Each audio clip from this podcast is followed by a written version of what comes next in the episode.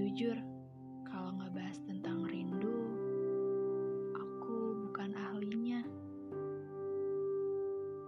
Ku aja terjebak banget sama rindu. Pasti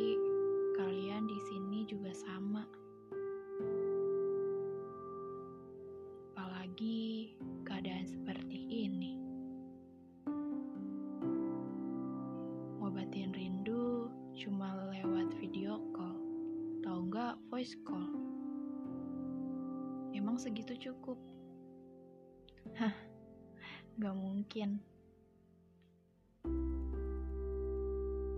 Kan kalian tahu, obat rindu itu bertemu.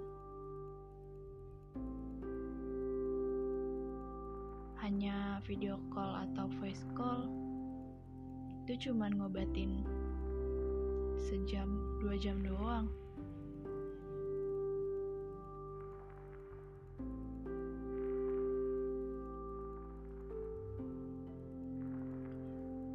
Untuk yang gengsi karena rindu, please, gak boleh.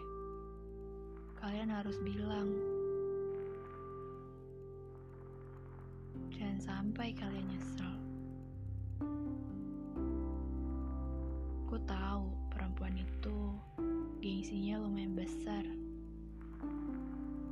Jangan ya, jangan kalah sama gengsi. Gengsi mah bukan apa-apa. Kalian pokoknya harus bilang, kalau rindu itu bilang. Obatnya ya bertemu. Kalau nggak bisa bertemu, kalian harus nabung, nabung rindu dulu.